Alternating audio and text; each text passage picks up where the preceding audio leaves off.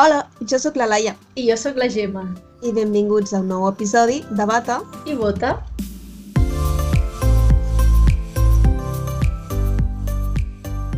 Avui us portem alguna diferent, no, Gemma? Doncs sí, Laia, avui aprofitarem la pel·lícula de Gattaca per explicar-vos una miqueta d'informació relacionada amb el tema principal de la pel·lícula, que és la modificació genètica de les persones abans del néixer. I us deixarem aquí una sèrie de preguntes perquè jugueu amb la vostra imaginació de veure fins on pot arribar la ciència en aquest sentit. El qui no hagi vist la pel·lícula no passa res. Eh, us farem un petit resum sense spoilers per saber de què va i, i ja està. Sí, Gattaca és una pel·lícula de ciència-ficció del 1997 que es basa en un món en què això, les persones neixen havent estat prèviament modificades genèticament per tal de que presentin les millors característiques i els millors trets, per dir-ho així. Però el protagonista de la història és en Vincent, un nen que ha nascut de la manera tradicional, podríem dir. En aquest món, els nens, quan acaben de néixer, se'ls hi extreu una petita mostra de sang del taló, com es fa avui en dia per determinar el grup sanguini, i a partir d'aquesta mostra de sang ja poden saber quina predisposició tenen a patir certes malalties, com problemes cardíacs, per exemple, o mort prematura, i fins i tot poden calcular la seva esperança de vida. I clar, això té un avantatge superclar, no, Laia? Home, sí, prevenir malalties. Exacte, però a la vegada té certs inconvenients, ja que també es pot utilitzar com a discriminació genètica, en aquest cas, per exemple, al anar a buscar feina. Si tu et presentes per una feina molt física i els entrevistadors, a part de mirar el teu currículum, també poden veure quin és el teu risc de patir una malaltia cardíaca, potser si tens un risc molt alt ja no els interessa tractar-te encara que tinguis molts coneixements o, o moltes habilitats. Clar, i aquesta mostra genètica moltes vegades es pot extreure inclús sense que, que la persona candidata vulgui a partir de un cabell que se t'hagi caigut, una gota de saliva si t'han donat un got d'aigua o un tros de pell morta, qualsevol cosa pot servir-te per, per fer aquest estudi. Fa por, eh? Sí, la veritat és que sí. Però fins on han arribat aquestes modificacions genètiques? Podem crear persones a la carta? Bueno, jo començaria primer amb la pregunta, podem crear mutants? I la resposta és que sí. I és més, tu i jo, Gemma, no sé si te'n recordes, però hem modificat genèticament a un ésser viu per tal de que pugui ser fluorescent eh, sota la llum ultraviolada. Te'n recordes? Jo? Jo estava a aquella classe. Home, jo crec que sí, jo em sembla que sí que estaves. Bueno, és igual. Eh, tampoc cal crear tant de hype. Eh, els nostres mutants van ser bacteris, van ser bacteris en els quals els van modificar per tal de que, de que siguessin fluorescents. Però això és molt interessant i el guai dels bacteris és que es reprodueixen molt ràpid i per tant en 0, podem tenir un munt d'exemplars amb una modificació genètica concreta, mentre que en altres éssers vius, com per exemple els ratolins o els humans, que tenen un cicle de vida més llarg, trigaria molt més temps en tenir-ho en tota la població.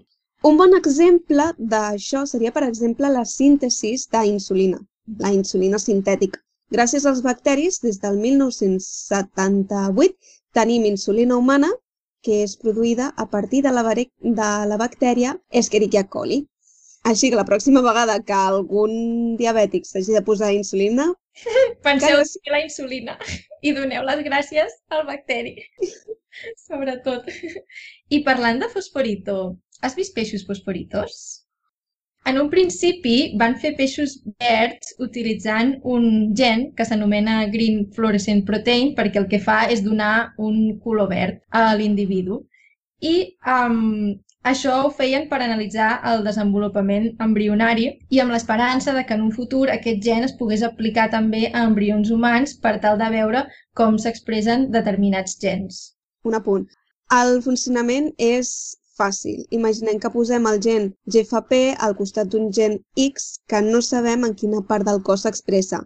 A l'estar al costat, quan s'expressi el gen X, s'expressarà GFP i com que el peix zebra és transparent, veurem la zona exacta on, on s'expressa això, ja que serà de color verd. Exacte.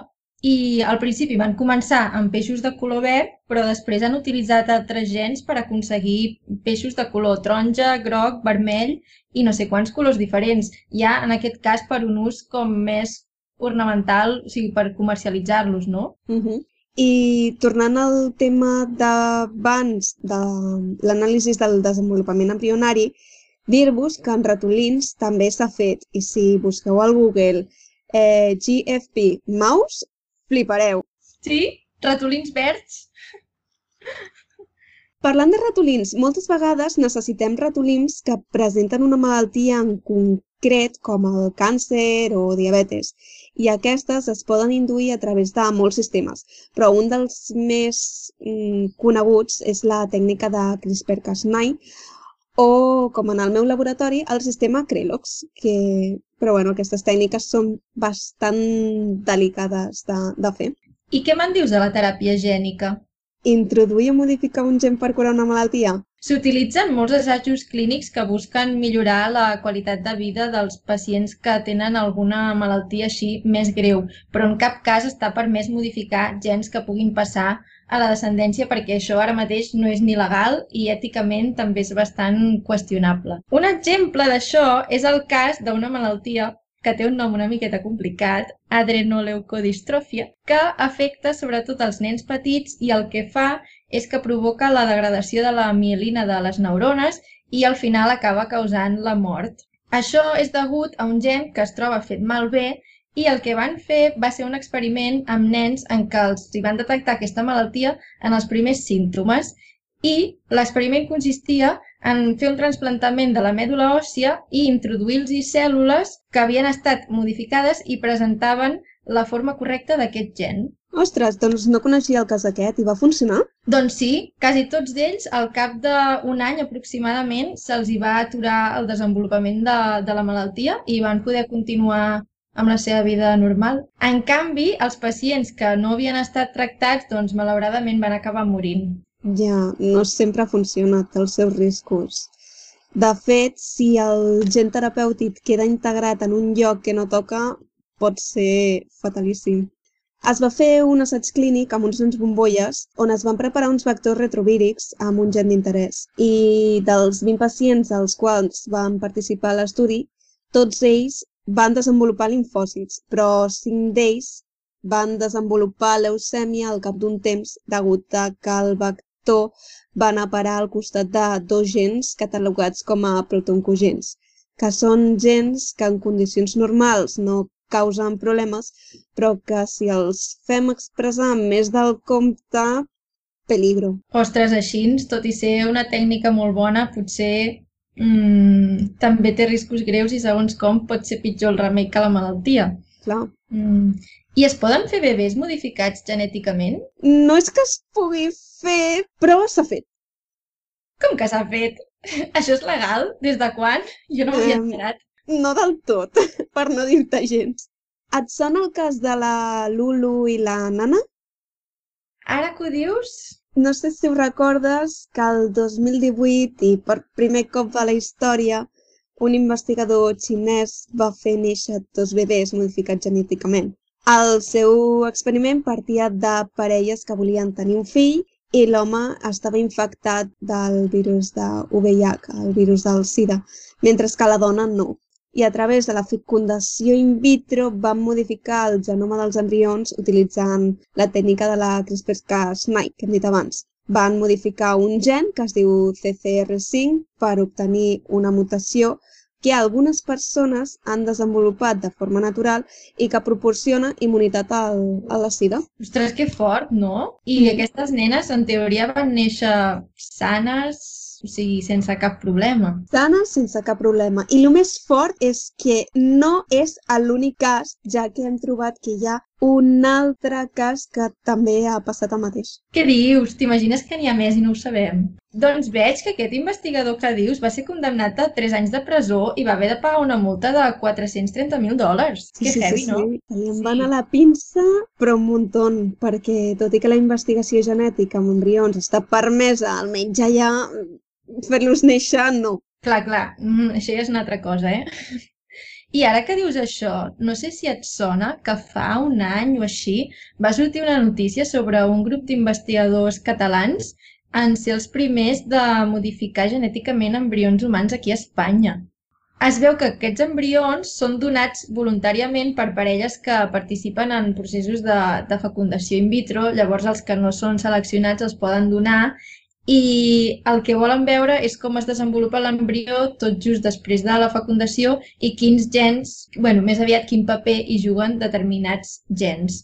Però aquests embrions, com a molt, els poden fer viure durant sis dies i en cap cas els poden implantar o poden néixer ni res d'això. En sèrio? Aleshores, el que volen veure és el paper de determinats gens en el desenvolupament. Suposo que per, per un futur saber quins són els millors embrions abans d'implantar-los, no? Clar, sí, sí, aquesta és la intenció i és el que estan investigant, però és això, en aquest moment encara no hi ha suficient evidència de que aquesta tècnica sigui efectiva ni sigui suficientment segura. I a més això s'ajunta amb el problema ètic de on se situen els límits perquè, clar, on està exactament la línia entre curar una malaltia o bé ja entrar com en la millora de l'espècie humana, saps? Ja, ja, ja. Fins on jo sé, actualment no està permès fer modificacions genètica en els embrions. El que sí que està permès és la selecció d'embrions per escollir coses com, per exemple, el sexe del bebè o inclús per tal de no presentar certes malalties cromosòmiques, com són el síndrome de Down o el síndrome de patau que es pot veure amb, amb els cromosomes. Però és veritat que no a tot el món. Ja, jo he llegit que als Estats Units sí que deixen triar això, les parelles que fan fecundació in vitro, si prefereixen un nen o una nena, com que es pot conèixer el sexe de l'embrió, poden -hmm. triar. Però aquí a Espanya jo tinc entès que no, només en els casos en què hi ha risc d'alguna malaltia associada al sexe. Però si no, no. El que no sé tampoc és com fan a, aquests estudis de, de cromosomes. No sé si s'esperaran a que tinguin algun, alguna mida en específic o...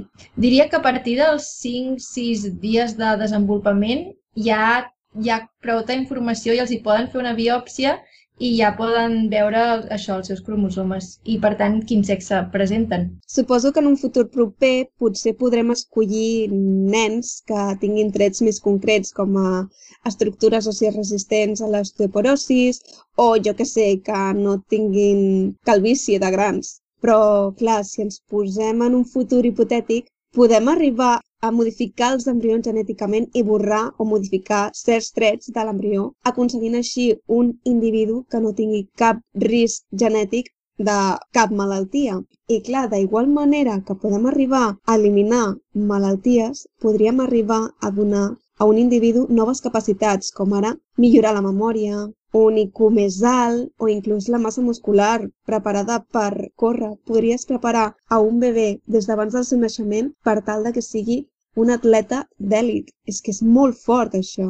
I el més fort d'això és que estic segura que no passarà dintre de milions d'anys perquè ja no actuarà sobre nosaltres la selecció natural com es coneix fins ara, sinó que tenim les modificacions genètiques. Així que, Gemma, on estan els límits? Doncs no ho sé, Laia, és un tema bastant complicat i la veritat és que jo crec que ja tenim tots prou informació per avui, així que esperem que us hagi agradat aquest episodi més especial i ens veiem a la pròxima. Stay curious!